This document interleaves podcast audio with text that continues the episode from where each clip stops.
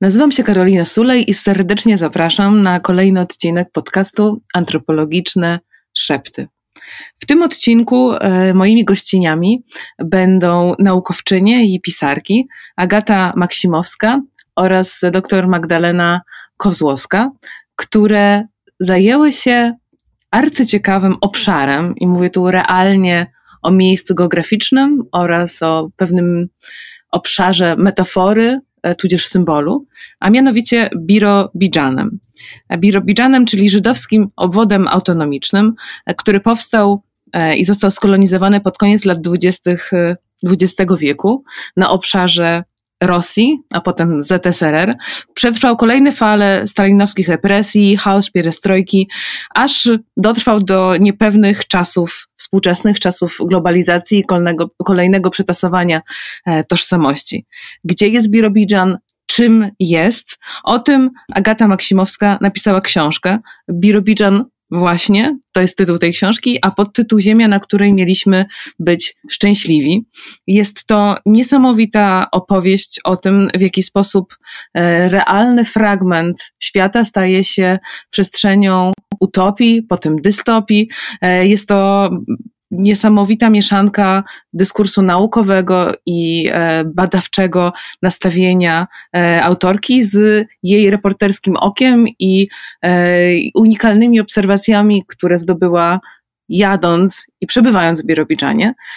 Z kolei dr Magdalena Kozłowska również, poza tym, że zanalizowała książkę Agaty Maksimowskiej, sama również widziała i oceniła na swój sposób Birobidżan, więc będziemy mieć dwa uzupełniające się, um, dwie uzupełniające się opinie, perspektywy e, i mam, mam nadzieję, e, i mam już teraz wrażenie, e, że będzie to dla Was, e, dla słuchaczy bardzo interesujące, dla mnie było fascynujące i do dziś, e, a już chwilę minęło e, od czasu naszych rozmów przeprowadzonych w poszatkowanych urlopami wakacje, cały czas nie mogę przystać myśleć o, o Birobidżanie i mam nadzieję, że wy będziecie podobnie zachwyceni i być może czasem również przerażeni tym miejscem po usłyszeniu tych dwóch rozmów, które się zaraz rozpoczną. Serdecznie zapraszam chciałabym powitać w antropologicznych szeptach e, gościnie Agatę Maksimowską, autorkę książki Birobidżan Ziemia, na której mieliśmy być szczęśliwi. Cześć, bardzo dziękuję, że zgodziłaś się wziąć udział w naszym podcaście. Dzień dobry, bardzo mi miło. E, I chciałabym zacząć e, pytaniem, które wydaje mi się oczywiste, a wydaje mi się oczywiste dlatego, że robiłam e, eksperymenty na grupie testowej swoich najbliższych i ta grupa testowa bardzo blado wypadała, jeśli chodzi o znajomość terminu Birobidżan. Chciałabym, żebyś wyjaśniła, czym jest Birobidżan, ta, ta ziemia, o której mówisz w podtytule. O czym jest ta książka, którą wydało wydawnictwo Czarne i która jest pretekstem do naszej rozmowy? Myślę, że w tytule nieprzypadkowo pojawia się Birobidżan, właśnie po to, żeby zwrócić uwagę na samą nazwę, na, na sam ten obszar geograficzny, który jest nieznany, a za którym kryje się cała historia osadnictwa i budowania tam ojczyzny dla Żydów e, radzieckich. Więc e, może powiem trochę o tym, skąd w ogóle pomysł, żeby właśnie ten obszar, to jest obszar e, znajdujący się na tak zwanym Dalekim Wschodzie Rosji.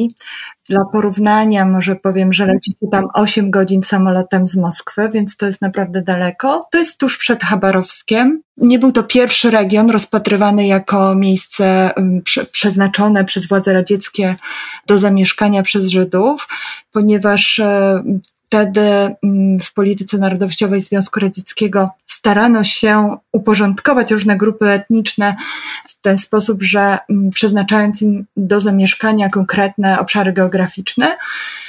No, jeżeli chodzi o ludność żydowską, ona była rozproszona w Związku Radzieckim, głównie w jego zachodniej części.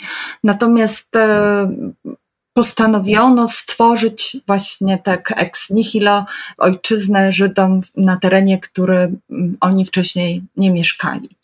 I okazało się, że taki teren wcale nie, nie było łatwo znaleźć, ponieważ e, początkowo rozpatrywano Krym, ale mm, pojawiły się konflikty z ludnością miejscową i, i ten teren, mimo że była tam bardzo żyzna ziemia, ta, która nadawała się do osadnictwa rolniczego, bo tu też warto powiedzieć, że to osadnictwo mm, e, żydowskie miało być to osadnictwo rolnicze, więc e, mm, szła zatem też taka idea przekwalifikowywania ludności żydowskiej na, e, z, z drobnych rzemieślników, z takich zawodów właśnie związanych z drobnym rzemiosłem, tym czym Żydzi się zajmowali wcześniej w miasteczkach, właśnie w kierunku zatrudnienia w rolnictwie, czy następnie w przemyśle, ale to rolnictwo było e, na początku jakby takim priorytetem. E, no i znaleziono taki teren, który faktycznie nie był zamieszkały, więc żadnych problemów nie było z ludnością e, miejscową. Natomiast znajdował się bardzo daleko i to trzeba powiedzieć, że na początku już pogrzebało właściwie szansę na e, jakiś e, sukces tego projektu, bo bardzo wiele osób, które nawet decydowały się przeprowadzić e, do Birobidżanu, a temu osadnictwu towarzyszyła taka wielka akcja propagandowa, loteria na rzecz e, osadnictwa. Tak, błagam, mogę zacytować fragment Twojej tak. książki. E, wielkim wydarzeniem właśnie była ta loteria wspierająca. Nagrody, które w niej przewidziano, były niezwykle atrakcyjne. Na zwycięzców czekały czteromiesięczna wycieczka dookoła świata, e, wycieczka do Europy Zachodniej na dowolnej trasie, gospodarstwo z domem, zwierzętami hodowlanymi i maszynami rolniczymi, wyposażenie warsztatu, samochód Ford, traktor, motocykle, łodzie żaglowe, rowery, maszyny do szycia, aparaty, pióra wieczne, maszynki, żylet, dzieła Włodzimierza Lenina i tak dalej. No, fuf.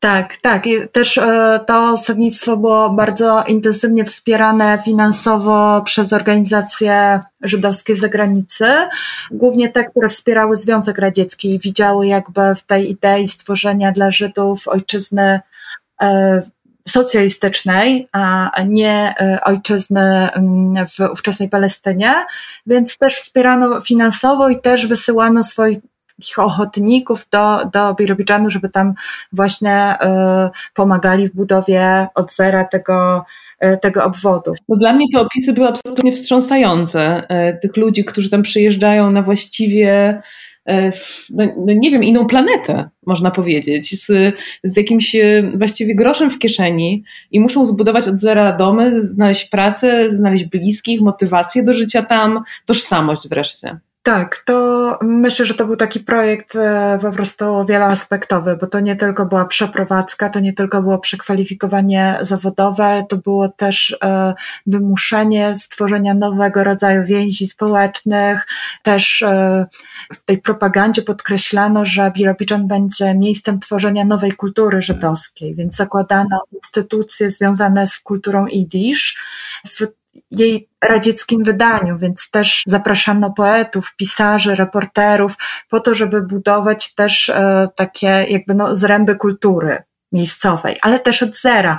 To jest też bardzo charakterystyczne dla Birobidżanu, że w pewnym momencie Birobidżan miał nawiązywać do kultury żydowskiej, ale miał też zrywać z nią. Więc w pewnym momencie już, e, jeśli chodzi o tę tożsamość, e, ludziom trudno było e, się odnaleźć, czy oni jeszcze się jakoś identyfikują z kulturą miasteczek, z których przybyli, e, bo pierwsi e, przybysze jakby założyli wspólnotę religijną, była tam synagoga, póki jeszcze jakby nie było takich dużych problemów, e, jeżeli chodzi o religię. Natomiast e, później tak byli angażowani w takie zupełnie świeckie różne projekty i które jakby miały z, tym, z tą przeszłością religijną, właśnie miasteczkową zrywać. Więc myślę, że to mm, dla ludzi musiało być, e, musiało być trudne. Po co to było, tak? Czy to było, miała być taka utopia, która miała udowodnić coś y, związanego z koncepcją człowieka radzieckiego, tak? Czy, czy sowieckiego może bardziej? Czy to był pomysł, żeby się pozbyć Żydów w cudzysłowie, y, tak? Jakby jako problemu? Czy właśnie stworzyć ich jako jakby jeszcze doskonalszy przykład tego, nie wiem, właśnie nowego, nowoczesnego człowieka w Związku Radzieckim, no bo też potem spektakularnie to się nie udało, tak, z różnych powodów. Niepowodzenie tej akcji osadniczej to był e, jeden powód, drugi powód to była sytuacja w Związku Radzieckim, zmieniająca no się sytuacja, kiedy w latach 30 ta polityka narodowościowa się zmieniła od wspierania tych jakby mm, najmniej licznych grup etnicznych, po, mhm. tak, po taką centralizację i też nacisk na nacjonalizację i rusyfikację, więc to szło bardzo powoli plus e, po II wojnie światowej e, no, wielka kampania antysemicka, która też e, no, jakby zbierała swoje żniwo w Birobidżanie. Ludzie w Birobidżanie nie byli bezpieczni, mimo że e, wcześniej obiecano im, że to będzie ich region właśnie, w którym będą mogli uniknąć tego antysemityzmu, z którym mieli styczność na, na zachodzie. Więc, e, e, więc to, był takie, to było takie drugie uderzenie, kiedy ludzie trochę zostali zmuszeni do wyrze wyrzeczenia się tej kultury swojej, już jakby tej nowej kultury, którą mieli, mieli tworzyć, nawet e, już to przestało być, e, przestało się podawać władzom, więc pozamykano szkoły w języku jidysz, pozamykano mm, instytucje kultury, aż wreszcie ludzie zaczęli się bać e, właśnie przyznawać do swojej tożsamości, czyli, czyli mówić o tym, że są Żydami. Tak. I to jest taki moment, który, od którego można powiedzieć, że po pierwsze zaczyna się zmniejszać liczba ludności, nie tylko z tego powodu, że ludzie wyjeżdżają, ale też dlatego, że e, ludzie zaczynają się określać e, jako Rosjanie, tak? bo uważają, że w życiu będzie im po prostu łatwiej, jeżeli się podejmą próbę akulturacji do, do, do tej kultury rosyjskiej. Tak, mia miałam wrażenie, że to się w ogóle właśnie tak zaostrza, że na początku to bycie z Birobidżanu jest takie mm, e, traktowane, no taki łagodny antysemityzm się przejawia e, w traktowaniu osób z Birobidżanu, a z Birobidżanu jesteś, a to jesteś taką tam Żydówą właśnie, tak piszesz, tak? Czy, czy jesteś takim właśnie e, Żydkiem, jakby powiedzieć, antysemicko w polskim języku, tak? Jakby, że że to jest właśnie twoja tożsamość tak trochę prześmiewczo, że to właśnie już nie ocala i nie nadaje godności, tak właśnie nie jestem przyczółkiem, no ale staje się konieczno, konie, e, kolejną antysemicką łatką, no ale potem właśnie te takie prześladowania symboliczne, językowe, wykluczenia różnego rodzaju stają się po prostu opresją, agresją, tak, jakby i niszczeniem życia, czasem nawet z błahych powodów. Te przykłady, które w książce podajesz, osób, które wcześniej właśnie miało być tymi wieszczami wręcz tej, tej ziemi, tak o niej pisać, ją sławić, budować jej kulturę e, i, i to, że oni poprzez to przywiązanie teraz nagle są zsyłani do łagrów i e, no generalnie zatyka się im usta w taki kawkowski wręcz sposób, że oni sami nawet nie wiedzą, jaki popełnili, e, jaką przewinę mają na, na sumieniu. To, to było bardzo przejmujące. Tak, no ciekawe jest to, że e, pamięć o tych ludziach się teraz przywraca praca w Birobidżanie i kiedy ja w ogóle jak doszło do tego, że się zainteresowałam Birowiczanem, no to zaczęłam szukać e, wielu, e, wielu rzeczy w internecie, w różnych książkach i trafiłam w książce Hugo Badera mm, e, w rajskiej krainie wśród Sielska, chyba nazywa się ta książka. Był jeden rozdział o Birowiczanie z 97 roku, który był w magazynie wyborczej chyba mm, opublikowane i tam było właśnie o tym, jak mieszkańcy próbują zaczynać mówić o latach 30., bo cała Rosja zaczynała mówić o latach 30., w latach 90. I też Jacek Gobader pyta swoich rozmówców właśnie o te lata 30., o czystki, tak, o prześladowania. To wszystko było też. Natomiast nie ma tam nic o latach 40., które były właśnie e, szczególnie ważne dla Żydów, które m, mm, również wiązały się z, e, z łagrami, z e, zakazem wykonywania zawodu, z prześladowaniami i, i, i tak dalej. Natomiast były skierowane konkretnie, e, konkretnie wobec Żydów i wydaje się, że po prostu w latach 90. jeszcze ludzie nie byli e, gotowi żeby o tym mówić. Też w latach 90. bardzo wielu Żydów z Birobidżanu po prostu wyjeżdżało z powodów ekonomicznych do Izraela, więc e, też można powiedzieć, że kiedy wreszcie nastał ten moment, że, że można zacząć mówić o historii, przywracać e, pamięć e, mm, obywatelom tego obwodu i wreszcie budować taką nową tożsamość, to okazało się, że, że właśnie ten obwód przestaje mieć już sens jako obwód żydowski, bo bo procentowo e, tej ludności jest tam niewiele więcej niż 2-3%, e, w tej chwili jeszcze mniej, więc e, no niestety, ta historia, jakby ta, ta emigracja do Izraela tak naprawdę to już była taka kropka nad i, jeżeli chodzi o, o no taką niestety trzeba powiedzieć powolną agonię, agonię tego projektu jako, mm, jako ojczyzny żydowskiej. Natomiast co się tam dzieje teraz, to też było ciekawe i o tym też w książce, że właśnie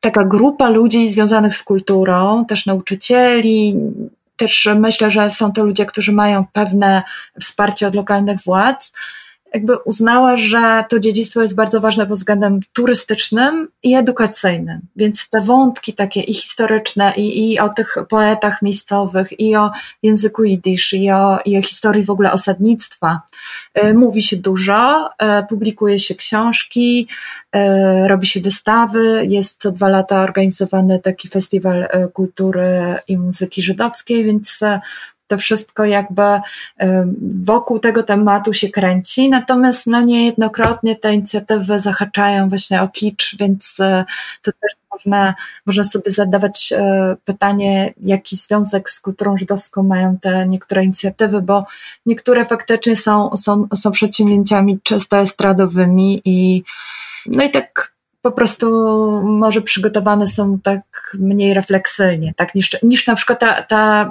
te projekty wydawnicze. Natomiast e, ja kibicowałam bardzo tym różnym projektom związanym na przykład z tłumaczeniem e, relacji pierwszych osadników z jidysz na rosyjski, czy, czy jakichś takich wczesnych artykułów e, z gazety. Tych, tych artykułów i tych dokumentów, które e, coś nam mówią właśnie o początkach tego obwodu. Nie, nie mówię tutaj o tych różnych propagandowych e, materiałach, których też nie brakuje. Jeżeli się e, przegląda te, te materiały historyczne, to też no, no, no, niektóre rzeczy nie są po prostu ciekawe, tak? Chciałabym najpierw jednak y, prześledzić to, jak się do tego Birobidżanu dostałaś, tak? Bo przeczytałaś o nim, zastanawiałaś się, co to jest za miejsce, tak? Dowiedziałaś się, że ono coś próbuje przepracować, coś tam się wydobywa ciekawego na wierzch, ludzie zaczynają mówić, no ale jakby miałaś niedosyt. I, e, i co dalej zrobiłaś? Znaczy, co zrobiłam? No, e, na pewno, e, na, ponieważ ja jestem antropolożką i prowadziłam badania w krajach mhm. byłego Związku Radzieckiego, to był to dla mnie taki wybór związany z wyborem tematu e, mojej pracy doktorskiej. Chciałam robić tam po prostu badania etnograficzne nad tym, w jaki sposób dzisiaj rozumiana jest e, kultura żydowska, tożsamość żydowska i przeszłość tego obwodu, co tam się w ogóle dzieje. Dlatego, że dostępne materiały to bardzo często były jakieś takie reportaże, ktoś przyjechał, pojechał, coś tam zobaczył, coś tam e, przedstawił bardzo często prześmiewczo, bo trzeba powiedzieć, że e, jak się czyta e, reportaże, zwłaszcza e, dziennikarzy z zachodu, to oni troszeczkę to przedstawiają w takich kategoriach, że to jest zapomniany syjon Stalina, czerwony syjon, jak Stalin Żydów na Syberię wysyłał. No to są takie i na miejscu dowiedziałam się, że ludzie bardzo tego nie lubią tam. Nie lubią tych dziennikarzy, którzy e, przyjeżdżają do nich jak do zoo i pytają ich, e, co wam zrobił Stalin. No to już e, przesadzam teraz, ale, ale troszeczkę tak to wygląda, bo, bo albo, albo pytają o te traumy, albo próbują sprawdzić, na ile ci ludzie są Żydami. Więc, więc też to są takie no, to bardzo powierzchowne materiały. I chciałam pojechać tam, posłuchać ludzi, dowiedzieć się, jak to jest i wiele tematów, które poruszam w swojej książce, w swojej książce są to tematy, które same do mnie przypłynęły e, podczas rozmów z ludźmi. Te, te różne przykłady, które podaję, to one mi się zaczęły układać w historię, bo, bo te doświadczenia są często podobne, zarówno antysemityzm, jak i też na przykład duma. Duma, tu warto mi się o tym powiedzieć, duma z Birobiczanu, z tego, że, że mm, przodkowie moich rozmówców zbudowali własnymi rękoma w Tajce no, obwód, tak? miasto, kołchozy, y, całą infrastrukturę. No, y, myślę, że to jest ważne, żeby to docenić, że to nie jest jakiś tam po prostu pomysł Stalina y, absurdalny gdzieś daleko, nie wiadomo po co, tylko że mm, chciałam, zależało mi na tym, żeby pokazać, że dla ludzi to jest y, kawałek życia, kawałek życia ich e, rodzin, jakaś taka pokoleniowa też historia, też trauma pokoleniowa, te wyjazdy, też takie, taka perspektywa bycia osadnikiem, myślę, że to, to do ludzi nagle wróciło, jak zaczęli też wyjeżdżać do Izraela, bo pamiętam, że jedna pani mi mówiła, że ona bała się, e, bała się puścić córkę do Izraela. Tak, bo córka się zdecydowała tam na repatriację, żeby zacząć tam też studia w Izraelu, no widziała tam swoją przyszłość.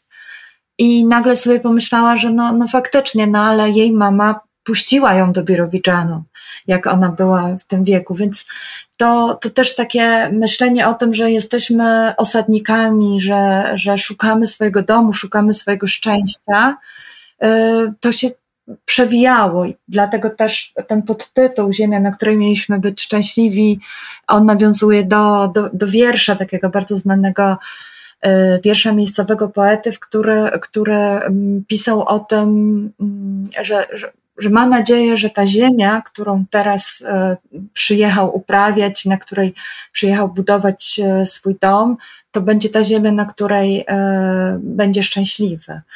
I, I myślę, że wielu ludzi jechało z taką nadzieją.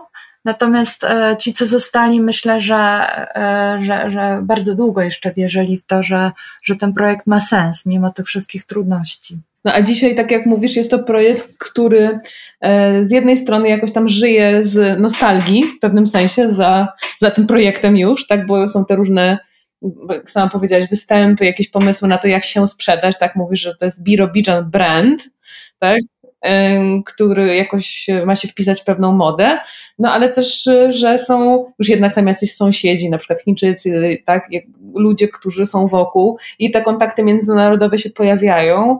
No i pytanie właśnie o to, jaka jest ta współczesność i przyszłość Birobidżanu, którą tam widziałaś, jak, jak krążyłaś. Czy czujesz, że jest to miasto wpisane w globalną wioskę, znaczy miasto, region? Na pewno dla mnie ważnym kontekstem była współczesna Rosja, dlatego że można patrzeć też na e, Birobidżan jako jedno z takich małych miasteczek na, peryferie, na rosyjskich peryferiach, gdzie pewne absurdy tej e, obecnej władzy są, są tak widać je w bardzo, w bardzo jaskrawy sposób.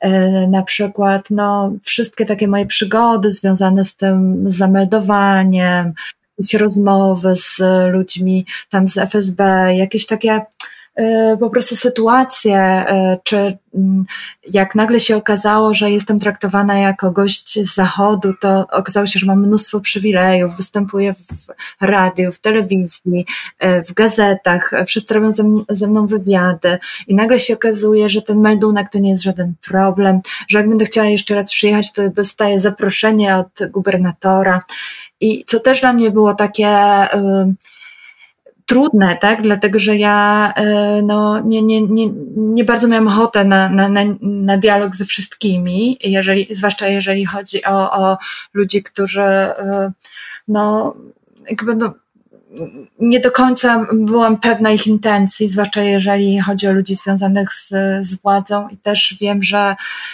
niektóre E, tematy, które ze mną poruszano, też miałam, miałam takie poczucie, że e, nie zawsze były dla mnie komfortowe, bo, bo często mnie pytano, e, to chyba było, mm, był, był konflikt rosyjsko-gruziński wtedy, jak tam pojechałam pierwszy raz i też mnie właśnie pytano, o, o Polskę i nagle miałam reprezentować Polskę, jakby Polskie Ministerstwo Zagra e, Spraw Zagranicznych prawie.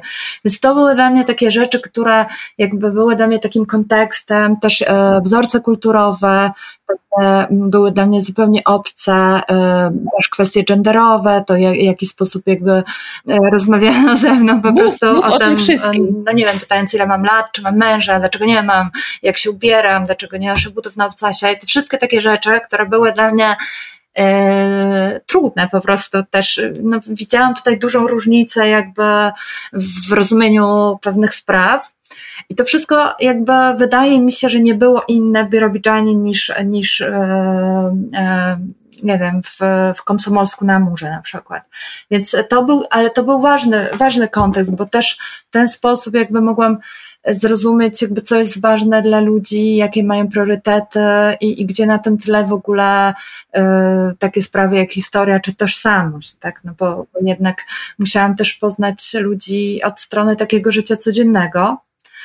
I teraz e, co do, e, co do jakby te, tej kwestii takiej globalnej wioski, to e, myślę, że wtedy znaczy, dzisiaj pewnie byłoby inaczej, bo dzisiaj bardzo wielu na przykład moich rozmówców jest na Facebooku i myślę, że to w ogóle mm, wcześniej był tylko ten port, portal Anna Klasniki i w kontakcie, ale nie było, nie było e, jakby chyba, nie mieliśmy się na Facebooku na przykład, więc to było jakby, miałam poczucie, że tych ludzi znam albo na żywo tam, nie mam takich kontaktów e, poza, natomiast bardzo często do wielu z moich rozmówców przyjeżdżała rodzina z Izraela i te rozmowy, jakby się rzeczy ten kontekst, w te rozmowy się wciskał ten kontekst izraelski, który też jakby mm, no to też było inne wzorce kulturowe, inna rzeczywistość i, i non-stop ludzie jakby w tych rozmowach różne rzeczy kwestionowali, zastanawiali się jak jest tu, a jak jest tam, a jak się mieszka, a gdzie lepiej,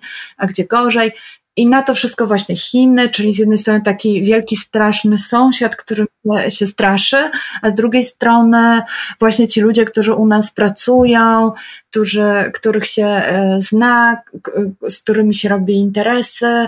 Więc to też było dla mnie ciekawe, bo, bo pokazywało właśnie, że to się tam na miejscu wszystko przenika. Natomiast myślę, że teraz, bo pierwszy raz tam byłam w 2008 roku, że teraz e, jakby mm, z, taką dostępnością internetu wszędzie, to jeszcze bardziej to wszystko się zaczęło przenikać, bo, bo te kontakty e, no, skróciły się, jednocześnie się rozbudowały, więc e, zupełnie inaczej myślę, te badania moje by dzisiaj wyglądały. Ta historia o e, Biro, Birobidżanie, którą, którą opowiadasz, o czym ona jest jakoś tak Twoim zdaniem najbardziej? Bo ja ją czytałam trochę jako o takim miejscu, które jednocześnie mm, jakby skupia historie pionierskie, właśnie takie mm, właśnie dotyczące tego, jak ma może wyglądać utopia, jak mo możemy siebie wymyślić na nowo, ale też jest trochę takim miejscem, gdzie dużo rzeczy się właśnie uchowało, jak na przykład ci subotnicy, tak, jakieś takie dziwne mm, grupy społeczne, e, trochę właśnie taki skansen, ale jednocześnie też cały czas miejsce jakiegoś eksperymentu, fermentu, a, a jednocześnie by ty poznając to miejsce i masz tę perspektywę historyczną, e, spędziłaś mnóstwo czasu w archiwach, ten materiał historyczny jest ogromny, no ale też tam byłaś, tak, i, i masz tą perspektywę żywą, e, współczesną. E, więc e, ta wielowątkowa opowieść wydaje mi się taka e, ciekawie paradoksalna, tak, że właśnie, że to jest jednocześnie miejsce bardzo zanurzone w przeszłości, a jednocześnie miejsce, które tyle razy potrafiło się tak, wymyślić na nowo może i znowu to odpowiem robi. też na to pytanie, jak widzę przyszłość, bo e, ja też zadawałam ludziom pytanie o to, jak oni widzą przyszłość, czy ten, istnienie tego obwodu ma sens, czy istnienie tego obwodu jako obwodu żydowskiego ma sens i, i czy coś w ogóle, co, co ich zdaniem będzie się tutaj jeszcze y, działo w historii tego miejsca.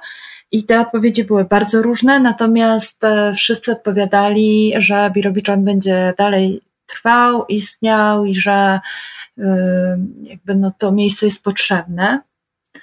Więc ja wierzę, że y, też jakby ta historia będzie miała dalszy ciąg. Y, może nie jako miejsca y, związanego już tylko i wyłącznie z osadnictwem żydowskim, ale takiego oryginalnego miejsca o dosyć trudnej, różnorodnej historii, czyli miejsca, które warto, w którym warto zatrzymać się na dłużej, e, bo faktycznie jak się jest tam tylko jeden dzień, to albo się widzi to samo, co w innych miastach e, Dalekiego Wschodu Rosji, albo się widzi e, tę, tylko tę powierzchowność. Natomiast zachęcam żeby zostać no, tydzień na przykład, porozmawiać, porozmawiać z ludźmi, bo te wszystkie historie, które, które przytaczam w swojej książce, one są rezultatem tego, że ja podążałam za ludźmi, że ja chodziłam z nimi do synagogi, tam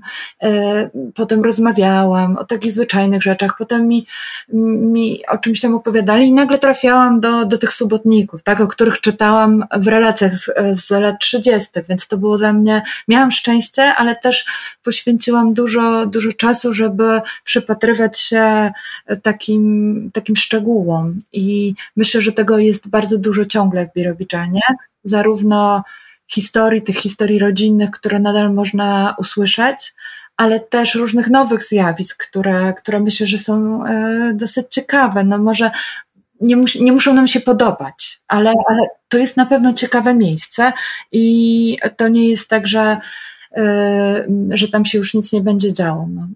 A powiedz jeszcze tak na koniec, bo a właściwie to są dwa pytania, bo nie mogę się powstrzymać. Czy to były te rozmowy, o których masz tak wiele w książce, rzeczywiście masz wielu bohaterów, wiele tych świadectw, to, to były rozmowy, które się po prostu wydarzały, czy były jakieś, nie wiem, niepokój związany z rozmawianiem z kimś obcym, czy byli otwarci ludzie, skłonni do tego właśnie, żeby się zwierzać? To jest moje jedno pytanie, a drugie jest takie, że jestem bardzo ciekawa, jak ty się tam czułaś, czy tam jest pięknie, albo nie wiem, właśnie jaki charakter ma to miejsce, jak pachnie, albo wiesz, jakoś tak, żeby tak trochę poczuć zmysłowo to, co ty tam czułaś, będąc tam kilka razy. Mm, więc e, jeśli chodzi o rozmowy, to mm, myślę, że no.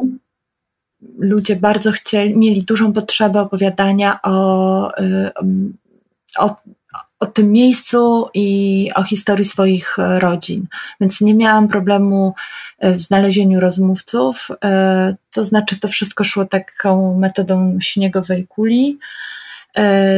No bardzo myślę, że, że mogę być wdzięczna miejscowej gminie żydowskiej, bo bardzo dobrze mnie tam przyjęli, też pomogli mi trafić do, do najstarszych mieszkańców E, którzy przychodzili tam na, na, na, różne zajęcia do, do gminy właśnie, ale też e, myślę, że dużą sympatią darzyły mnie te wszystkie osoby, które e, zajmowały się kulturą, sztuką, czy, czy pracowały w mediach, bo dla nich to jakiś był taki obopólny, obopólna korzyść, tak, że ja się dowiadywałam różnych ciekawych rzeczy, ale oni też jakby ja dla nich też byłam jakoś interesująca, bo tam naprawdę e, mało jest cudzoziemców. Jeżeli ktoś przyjeżdża, no to tak na chwilę i od razu widać, że to jest jakiś, nie wiem, amerykański e, reporter.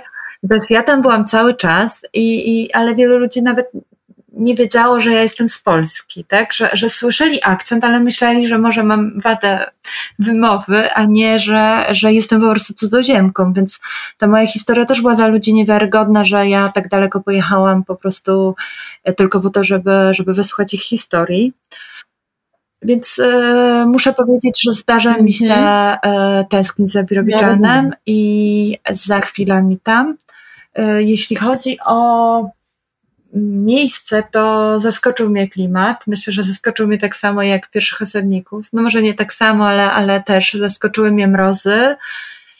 Było bardzo zimno, tam jest taka zimna, sucha, sucha zima, czyli spadnie śnieg w okolicach rocznicy rewolucji październikowej i trzyma, tak? Trzyma, nie topnieje, nie tak jak w Polsce, że jest chlapa, mm -hmm spadnie, znowu stopnieje i tak dalej. Nie, on trzyma, po prostu jest taki suchy śnieg cały czas i bardzo silny mróz i było mi naprawdę trudno y, wytrzymać czasami na dworze. Natomiast lato jest y, bardzo deszczowe i takie parne i też nie jest tak w sumie y, mhm. łatwo. Polecam wizytę w Birowiczanie w, we wrześniu bo już jest troszkę chłodniej. I naprawdę jest wtedy ładnie. I, jest taki odpowiedni klimat, jest, e, jest słońce, ale już nie jest tak e, gorąco. I jest też dużo komarów. To jest, to jest mhm. też to, na co skarżyli się ci pierwsi no tak. osadnicy, że, że komary ich tutaj wykończą, więc tak. potwierdzam, komarów jest tam naprawdę bardzo, bardzo dużo.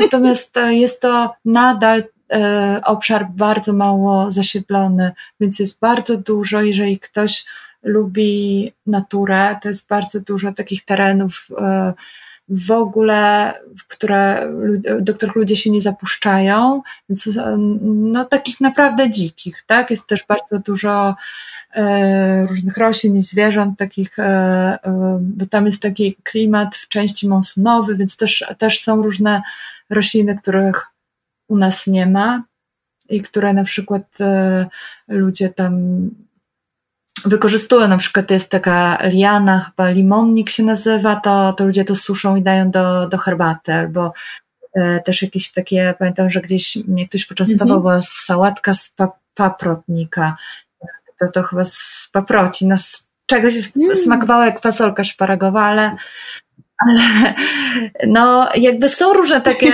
osobliwości miejscowe, tak? Natomiast jest bardzo zielono, bardzo ładnie, bardzo zielono. E, tylko jest daleko, no więc e, myślę, że jeżeli ktoś chciałby tam zajrzeć, to e, polecam po prostu zrobić sobie to w ramach takiej wyprawy koleją transsyberyjską, bo stacja Birobiczan jest właśnie na trasie kolei i od razu można ją zobaczyć, bo na stacji jest napis z nazwą stacji w języku idisz, więc to też jest to coś, co zostało tak, z tych czasów pierwszych. Słuchaj, no, no bardzo Ci dziękuję i, i dziękuję Ci, że napisałaś tę książkę świetną i o tym niesamowitym miejscu prze, przeinteresującym, pełnym wątków i, i odcieni i, i, że zrobiłaś tak wnikliwe studium, które się świetnie czyta jeszcze na dodatek. E, nie mogłam się w ogóle oderwać, więc bardzo zachęcam wszystkich, którzy nas teraz słuchali i się zainteresowali, żeby przeczytać e, książkę mm, Agaty Maksimowskiej, a też odwiedzić samo miejsce e, jakoś w swoim życiu, ponieważ warte ono jest tego zdecydowanie. A ja Tobie bardzo, bardzo dziękuję za tę opowieść. Dziękuję również. A teraz chciałabym w kilku słowach przedstawić moją kolejną gościnę, dr Magdalenę Kozłowską, historyczkę, kulturoznawczynię i tłumaczkę, absolwentkę Instytutu Judaistyki oraz Instytutu Bliskiego i Dalekiego Wschodu. Oba te wydziały to Uniwersytet y, Jagielloński. Obroniła doktora w 2015 roku, a e, w latach 2015-2016 była asystentką w Instytucie Bliskiego i Dalekiego Wschodu już wspomnianego. Jest członkinią zespołu redakcyjnego pisma e, Ingewe oraz zarządu Polskiego Towarzystwa Studiów Jidyszystycznych. Publikuje m.in. w Cwyśn, Midraszu, Znaku i Kulturze Liberalnej, a zajmuje się historią społeczną Żydów przede wszystkim okresu dwudziestolecia międzywojennego prowadzi badania nad obrazem Żydów z krajów Bliskiego Wschodu i Afryki Północnej w dwudziestoleciu międzywojennym. Jestem bardzo ciekawa, e, jakie zdanie ma na temat Piropiczanu. Bardzo serdecznie witam w drugiej części antropologicznych szeptów. Nadal rozmawiamy wokół książki Agaty Maksimowskiej Birobidżan Ziemia, na której mieliśmy być szczęśliwi. Przedstawiałam już e, dr Magdalenę Kozłowską wcześniej, e, więc teraz się po prostu przywitam. Dzień dobry. Dzień dobry, bardzo mi miło się zgodziłaś na rozmowę i rozmawiamy, e, rozmawiam z Tobą jako z badaczką e, oraz jako autorką, e, autorką recenzji książki Biro Bijan, która została zamieszczona na kulturze liberalnej, jest dostępna, można się zapoznać bez problemu, więc jesteś osobą, która zrecenzowała książkę, była jeszcze w Biro Bijanie na dodatek i się zajmuje tematami związanymi z żydowską historią na co dzień, właśnie na Wydziale Historii historii e, jako absolwentka judaistyki, kulturoznawstwa i jeszcze na dodatek e, e, osoba, która specjalizuje się w sprawach Bliskiego i Dalekiego Wschodu na Uniwersytecie Jagiellońskim, więc masz po prostu wielorakie perspektywy, żeby się, żeby się temu tematowi obwodu autonomicznego przyglądać. I zastanawiałam się, od którego może ty byś chciała zacząć? Czy od tego, jak się tam znalazłaś, czy od książki, a może od jakichś własnych badań, które pozwoliły ci się na Birobidżan natknąć? Znaczy, na Birobidżan natknęłam się tak naprawdę studiując, bo e, studiując e, studia żydowskie, no jest to jeden e, gdzieś tam z elementów kurikulum i każdy student kończący pięcioletnią edukację studiów żydowskich w Polsce na pewno kiedyś się natknął na ten temat. Ale generalnie nie jest to temat rozpoznany chyba ogólnopolsko. Natomiast no oczywiście wiedziałam o istnieniu takiego projektu. Bardziej mnie to może ciekawiło niż statystycznego studenta judaistyki czy studentkę, ponieważ no ja też w swoich badaniach zajmuję się językiem jidysz i kulturą jidyszową, a ten projekt był ściśle związany z taką świecką definicją Żyda, z, z nową definicją Żyda, połączoną e, właśnie z kulturą jidyszową, z jidysz jako językiem oficjalnym, więc mm, było to dla mnie w pewien sposób fascynujące. Ja też patrzyłam na to e, wcześniej, jak ten projekt był opisywany w żydowskiej prasie e, wychodzącej w Polsce.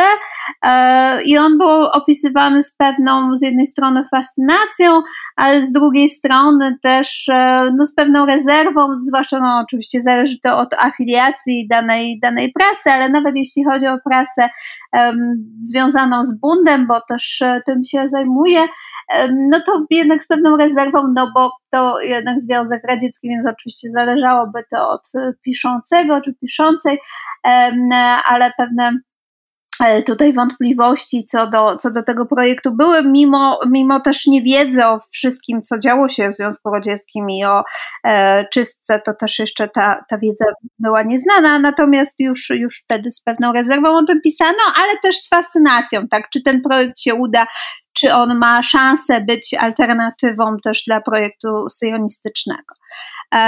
No, a mm, książkę przeczytałam z bardzo dużym zainteresowaniem, tym bardziej, że wyszła ona tak naprawdę tuż przed e, moim e, osobistym e, turystycznym wyjazdem do Birobidżanu, który był możliwy jeszcze E, przed pandemią, e, więc, więc e, czytałam ją tak naprawdę jadąc koleją transsyberyjską. No właśnie, to jest bardzo ciekawe, bo rozumiem, że poniekąd ta książka była przewodnikiem albo jakimś takim rodzajem, no nie wiem, podręcznego, podręcznego tłumacza rzeczywistości, czy, a może właśnie nie do końca miałaś wrażenie, że ona się pokrywa z tym, co się, co zobaczyłaś E, jestem ciekawa. Mhm. Właśnie e, myślę, że ona dość dobrze opisuje tę rzeczywistość, którą zobaczyłam. Te pierwsze rozdziały, one mają taki charakter historyczny, więc dla mnie mm, nie było to jakimś zaskoczeniem. To, co czytałam, jedynie może jakimś e, E, ułożeniem sobie w głowie, przypomnieniem pewnych rzeczy. Natomiast e, dalsza część, ta taka antropologiczno-etnograficzna, która opiera się na spotkaniach, rozmowach autorki z bohaterami, no jest naprawdę e, fascynująca i jest takim przewodnikiem, tym bardziej, że mogłam zrobić takie, powiedzieć takie sprawdzam, tak, ponieważ ta społeczność, społeczność żydowska w Birobi Azerbejdżanie nie jest duża e, i samo miasto też ja miałam troszeczkę inne wyobrażenia, zresztą często tak mam, że gdzieś jadę, coś mi się wydaje, że jest większe, e, bo, bo tyle o tym czytałam i mam jakieś nadbudowane um.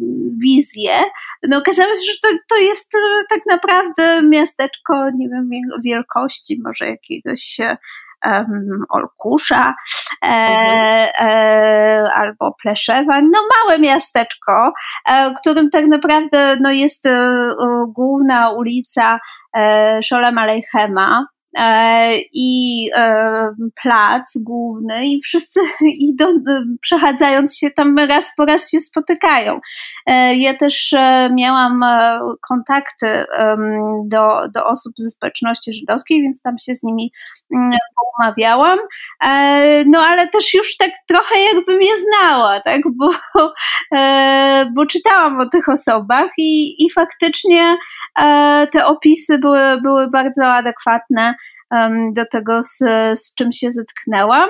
E, mhm. I, I ten też e, opis e, tego miejsca faktycznie jak wysiada się z pociągu e, latem, no tam e, jest gorąco, wilgotno i pełno jest tych owadów. Tak, te opisy zresztą i to, co pisała Agata Maksimowska, ale zresztą te opisy właśnie tych owadów, które przeszkadzają w, w życiu, one są też opisami historycznymi tych osób, które które tam trafiły i, i próbowały e, tworzyć tę nową rzeczywistość. No i to się nie zmieniło. I, e, I dlatego myślę, że ten, ten przewodnik i to czytanie tego to było takie, takie ciekawe, trochę tak jak e, potem jeszcze wracałam do tego i jeszcze rozpoznawałam inne osoby, które potem poznałam na swojej drodze i rozpoznawałam je potem w tych opisach, więc, e, więc to było. A jakie były, powiedz, twoje, twoje własne spostrzeżenia? To, czego nie znalazłaś w książce, albo zobaczyłaś, że coś się zmieniło e, mhm. już, tak? Jak, jaki był ten twój, twój ogląd jakby na e, ogląd Birobidżanu, który był dożywiony przecież też twoimi badaniami wieloletnimi i zrozumieniem kultury?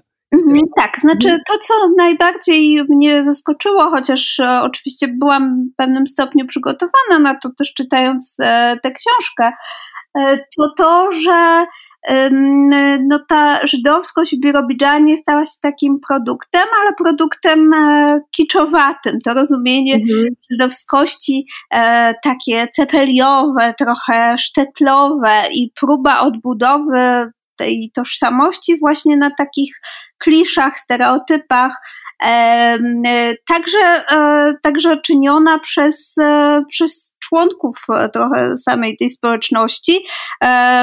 Powstało tam takie muzeum żydowskie, które jest prowadzone przez Chabad mhm. koło, koło synagogi. No i tam jest figura Żyda, tak, e, taki fi, fi, ubranego w hałat, e, zrobione z papier maché tak naprawdę e, i e, no bardzo stereotypowo wyglądającego z wielkim nosem e, i e, tałesem i pan opowiadający, oprowadzający mówi, tak wygląda Żyd, tak, więc no, no było to dość zaskakujące. Tak e, bardziej interesujące dla mnie było to muzeum takie e, miejskie, gdzie, mhm. E, gdzie tam były dokumenty historyczne pokazujące, jak Birobidżan powstawał, jak to życie też w latach 30. wyglądało, chociaż oczywiście tam pewne wątki antysemickie były wyciszone. E, w tej narracji, e, no ale mm, to, to było, e, tam mogłam zobaczyć dokumenty takie autentyczne, które, które były bardzo ciekawe, natomiast no, no to muzeum takie pokazujące życie żydowskie i święta żydowskie, no też było ciekawe pod względem takim antropologiczno-etnograficznym, no ale mhm. nie spodziewałam się, że, że, że tak to będzie wyglądać. Plus to, co, co pisze Agata, czyli właśnie, że pełno jest e, różnych pełno to może za dużo, ale jest, e, jest tam e, kilka takich rzeźb, pomników kiczowatych, będących często podarunkami od Chin.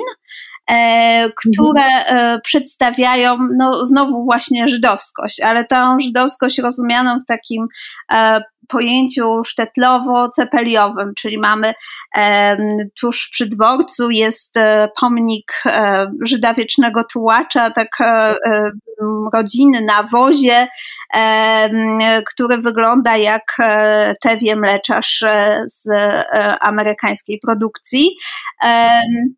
E, I e, mamy Żyda z szofarem i czy tam stylizowane, na przykład jeśli chodzi o rynek, w, sensie targ, wejście na, na targ jest napisane stylizowaną czcionką rosyjską, stylizowaną na hebrajską, więc te odwołania do żydowskości nie są odwołaniami do tego projektu birobidżańskiego, e, czyli do tych właśnie lat 30. nowoczesnego rozumienia żydowskości e, świeckiej połączonej z jidysz socjalizmem e, i, i nowego produktywnego Żyda, tylko do tego, co wydaje się, że było wcześniej, tak? Czyli e, religijności, sztetlowości, jakiegoś takiego e, wyobrażenia trochę podobnego do naszego Żyda z pieniążkiem. Tak? No właśnie chciałam powiedzieć, że to jest jakiś paradoks okrutny, że w tym utopii, jakby na tym utopijnym terenie, który miał być symbolem właśnie zupełnie innej żydowskości, jakąś taką próbą rzeczywiście otworzenia nowej opowieści. Teraz w XXI wieku, tak, w dobie globalizacji, to co się tam znajduje, to takie niemalże antysemickie, tak, autoantysemickie przedstawienia, uproszczenia y, tego, co, no, co, co miało tam być zreformowane, więc to jest tak, taka tak. ironia historii. Mhm to, to było takie zaskakujące faktycznie.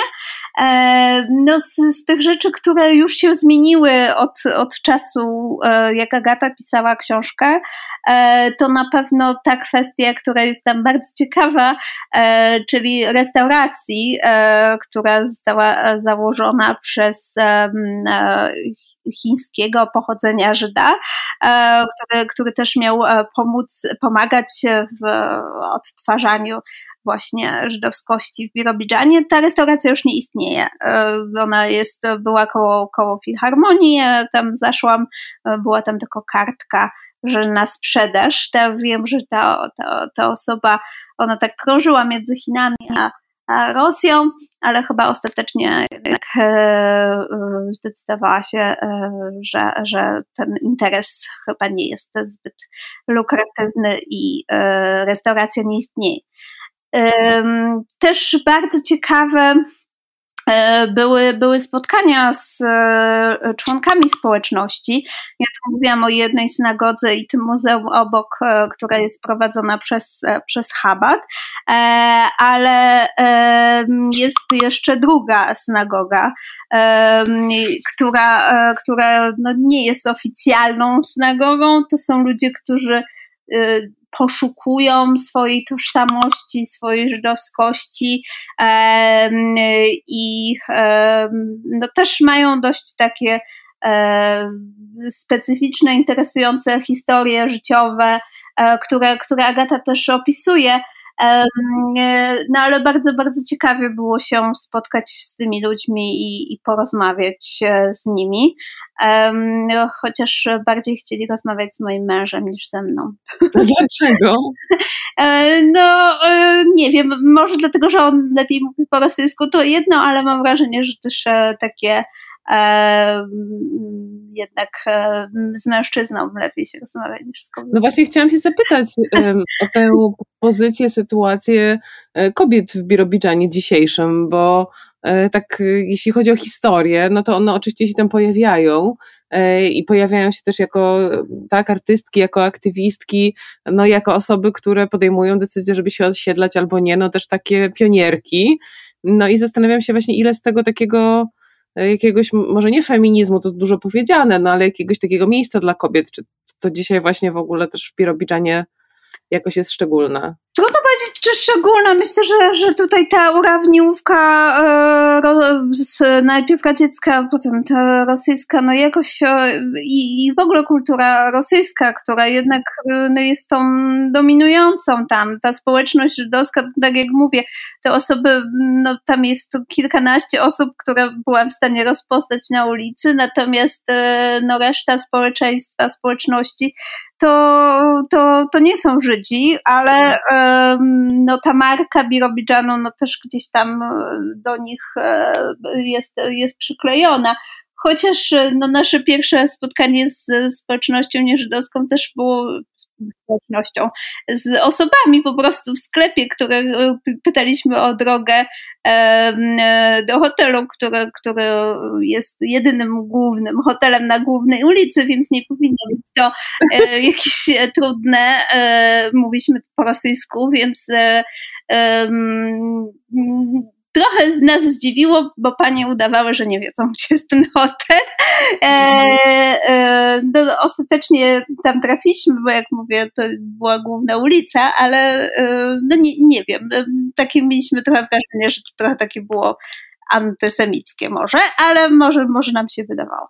E, w każdym razie, e, jeśli chodzi o pozycję kobiet, no to to oczywiście yy, i w tej właśnie w tej społeczności, tej drugiej synagogi e, nieoficjalnej, tam bardzo dużą rolę odgrywa taka charyzmatyczna e, kobieta, e, która też, też poszukuje swojej tożsamości, można powiedzieć, ona jest nawet, jej zdjęcie jest na okładce, to jest jedna z tych kobiet. Aha. I też jeśli chodzi o gazetę, która, która nadal wychodzi e, w Birobidżanie, widać, tam też mamy redaktorki e, kobiety, nie tylko, ale, ale są one aktywne. No ale myślę, że, że tutaj mm, ta pozycja kobiet e, to, to jest to generalnie taka jak ogólnie w społeczeństwie rosyjskim, więc ale bardzo ciekawa jest y, ta kwestia właśnie tej birobidżańskiej marki. Mm -hmm. To znaczy, że nawet jeśli się powiedzmy w cudzysłowie nie lubi Żydów, tak i ma się te antysemickie no, jakieś tam mhm. emocje, które tutaj powiedziałeś, że mogą być obecne, no to z drugiej strony nie można się obrażać na, e, na tę żydowską markę, no ponieważ ona może, jak rozumiem, nakręcić turystykę, koniunkturę w tym e, obszarze, tak? Tak, tak, tak. Rosji. No, nie wiem, czy. Mhm, e, mhm. dokładnie, dokładnie tak. Zresztą spotkaliśmy wycieczki chińskie, tak, e, w, w Birobidżanie i to jest główny chyba kierunek turystyczny, przygraniczny tam z Chin do, e, do Birobidżanu, do, żeby, żeby zobaczyć, jak to wygląda. I dla tych Chińczyków no jest to e, też e, pewna atrakcja. Oczywiście tutaj pomijam takich turystów, no jak my, którzy gdzieś tam wybierają z racji no. na zainteresowania, czy, czy jakieś osobiste historie związane z Birobidżanem, czyli turystów gdzieś tam z Europy czy Ameryk. E, natomiast e, no, duży, duży ruch e, tutaj jest turystyczny, taki przygraniczny, jednodniowe wycieczki elektryczką, właśnie do, do Birobidżanu. No, dla tych osób z Chin też interesujące była ta trochę różnica dotycząca rozwoju technologicznego między E, terenami e, Chin, a, a Birobidżanem, no bo u nich już e, takie pociągi elektryczki nie jeżdżą i też różne takie rzeczy, które tam widzieli, no to sobie pokazywali, że patrzcie, u nas tak było jeszcze, nie wiem, 20 lat temu, a już teraz tak nie jest. Natomiast no, no, atrakcyjna dla nich jest ta inność, tak? I, i myślę, że, że grają właśnie tym turystycznie w Birobidżanie. No, oprócz, oprócz turystyki oczywiście wymiana handlowa faktycznie największa jest e, z Chinami. Mm, mhm. Ale to znowu e, budzi inne, inne niepokoje obecne w ogóle w, w całej Rosji, e, które dotyczą właśnie mm, inwazji chińskiej i tego, że, że Chińczycy się zaczną osiedlać właśnie w tej syberyjskiej części Rosji, co no, patrząc na E, na, na, na to, ile osób e, tam spotkaliśmy pochodzenia chińskiego, raczej jest nieuzasadnioną obawą, e, tym bardziej to, co mówiłam, jeśli chodzi o tego restauratora, który jednak zdecydował się, tak, tak, tak, tak. zdecydował się wracać. Zresztą liczby też o tym. Bardziej, mhm. Czyli bardziej to jest taka wizja, bo ja wiem, lęk, lękowa, tak, niż jakiś e, realny... Tak, to jest wizja e, lękowa, która, e, która jest obecna gdzieś tam w, w jakichś też takich przekazach, ale nie podparta danymi statystycznymi, no ale bliskość granicy i też świadomość tego, jak, jak duża liczebnie jest społeczność chińska, takie, takie obawy budzi. A jak wygląda rzeczywiście ta turystyka, powiedziałabym, bardziej merytoryczna, tak, jakby osób, które są e, zainteresowane tematem Birobidżanu z Europy, z Ameryk, a z Izraela, nie wiem, jest ten temat mhm. tam obecny, czy nie, też mnie to, to ciekawi. Czy na przykład z, z wami jechał ktoś w podobnym celu, albo widzieliście tam badaczy, albo takich po prostu turystów, którzy też przyjechali, czy osoby, tak jak mówisz, osobiście powiązane z tym miejscem? Czy niespecjalnie czuliście się jak rodzynki? Czuliśmy się, szczerze mówiąc, jak rodzynki, ale podejrzewam, że no raz na jakiś czas e, takie rodzynki się pojawiają, bo aż takiego wielkiego zdziwienia mm, nie budziliśmy. No i też, e, też są e, miejsca nastawione bardziej na tego typu turystów, czy też suweniry, można powiedzieć, nastawione na tego typu turystów. E, natomiast jadąc, jadąc pociągiem akurat byliśmy, nie byliśmy jedynymi osobami wysiadającymi na e, tej stacji, natomiast e, jedynymi osobami w celu, w celu turystycznym. No taka, taka wyprawa tak naprawdę mm, nie jest taka trudna. No teraz w czasie pandemii oczywiście tak, natomiast jeśli kiedyś pandemia się skończy, to, to nie jest to aż takie trudne. Wiza turystyczna e, do Rosji i no i potem koleją transsyberyjską można sobie to podzielić na odcinki, nie trzeba jechać e, od razu bezpośrednio z Moskwy do e, Birobidżanu, chociaż oczywiście jest pociąg Rosja, najbardziej znany ten e, marka kolei transsyberyjskiej, ale są też takie, które jeżdżą na krótszych odcinkach. Można sobie e, dojechać, nie wiem, najpierw do Irkucka, potem do Ulan-Ude, potem właśnie z Ulan-Ude do E, do Birobidżanu. E, strona internetowa bardzo dobrze działa, e, także można kupić ten bilet jeszcze w Polsce i, i on, on funkcjonuje, więc, więc także koleje tutaj idą z duchem czasu. Mhm. Natomiast no, sama znam jeszcze trzy osoby, które, które były w Birobidżanie, ale mam świadomość, że że to jest moja bańka, e, więc mhm. e, e, no, ta turystyka jest, ale nie jest to turystyka masowa. Natomiast są miejsca, gdzie można się zatrzymać, właśnie jedyny hotel, e, e, ale są też restauracje, właśnie a propos, jest też restauracja prowadzona właśnie przy, przy synagodze, która też jest trochę taka właśnie stylizowana na restaurację żydowską, e, chociaż te potrawy e, no tak nie do końca przypominają te, które, które widnieją nazwy na karcie. Jest to coś, coś pomiędzy, ale warto, warto też tam zajrzeć i zobaczyć, jakie, jakie wyobrażenie na temat tego a z ciekawości, y, jakie to są mniej więcej widełki czasowe i widełki cenowe? To znaczy, ile się tam jedzie i potem jak się wraca, i ile mniej więcej trzeba by było przeznaczyć? Bo ja już na przykład zaczęłam sobie planować głowie.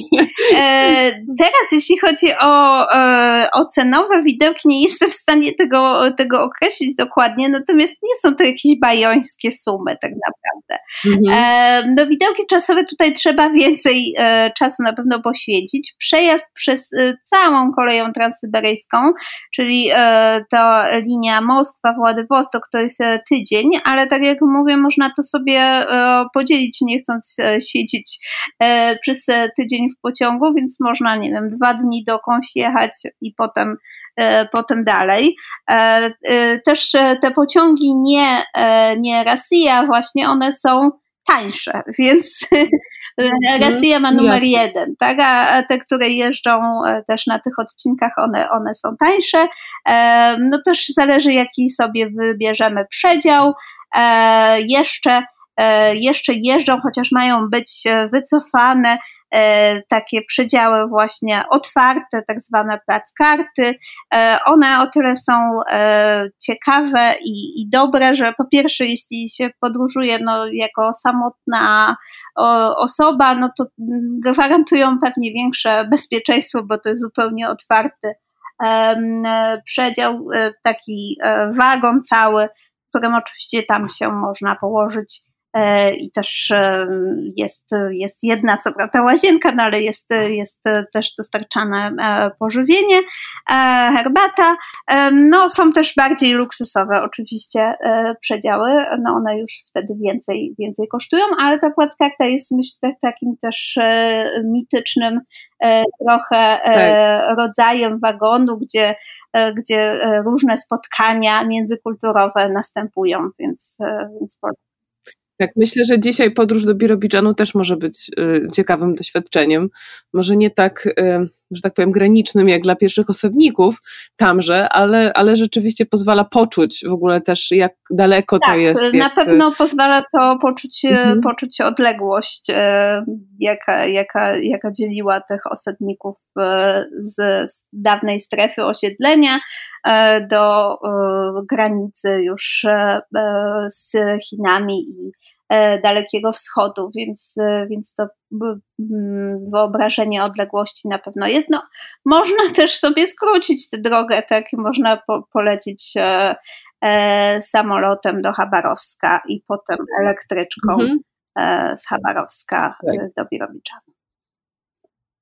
A powiedz tak na, na koniec naszej rozmowy, do którego się nieuchronnie zbliżamy, jakbyś miała powiedzieć e, takim osobom, może właśnie niekoniecznie z bańki, co jest takiego ciekawego w tym birobidżańskim projekcie, najciekawszego, co też dzisiaj w jakiś sposób może jest aktualne? Jakbyś takie słowo, słowo na koniec zostawiła od siebie, e, co, co jest w tym takiego najciekawszego? To co, to, co jest najciekawszego, to jest właśnie, myślę, ten projekt e, innego Żyda, który jest w alternatywie do, do tego Żyda ze strefy osiedlenia, e, taka inżynieria społeczna. No ale tak jak, jak pokazuje e, historia i to, co teraz jest w Birobidżanie, ten projekt jest e, i był nieudany. Natomiast sama próba jego wprowadzenia i też fascynację różnych osób tym projektem, artystów, poetów są, są godne pochylenia się nad nim. Tak, też tak myślę i myślę, że tu jest no, bardzo wiele o utopii, dystopii, o tym, jak się niestety w międzyczasie krzywdzi realnych ludzi i albo wpływa na ich życia, najczęściej niestety właśnie negatywnie, którzy się zaplączą w tego typu wielkie, wielkie wizje. E, bardzo, bardzo Ci dziękuję za, za rozmowę.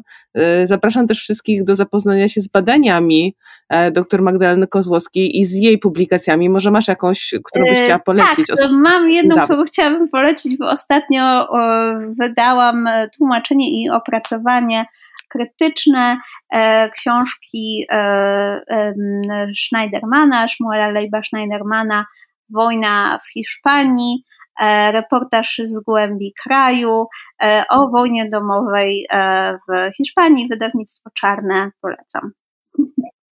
O, no to pewnie, oczywiście, tym bardziej, że to wydawnictwo Czarne, czyli patron naszego tutaj cyklu, więc bardzo serdecznie polecamy e, Twoją książkę e, i mam nadzieję, że jeszcze do niej może wrócimy. Czemu nie? E, czemu nie? A póki co, y, póki co żegnamy się i e, ja się żegnam z Tobą i, i żegnam się ze słuchaczami, zapraszając na kolejne odcinki antropologicznych szeptów. Na dzisiaj to wszystko. Dziękuję. Cześć. I to już wszystko w tym odcinku antropologicznych szeptów. Bardzo Wam e, dziękuję i raz jeszcze e, zachęcam do zapoznania się z książką, wydaną oczywiście przez wydawnictwo Czarne, które jest patronem każdego naszego punktu wyjścia do kolejnych rozmów. E, Biro Biczen, ziemia, na której byś, mieliśmy być szczęśliwi, Agata Maksimowska. Zapraszam na kolejne odcinki, a teraz już się żegnam. Do zobaczenia.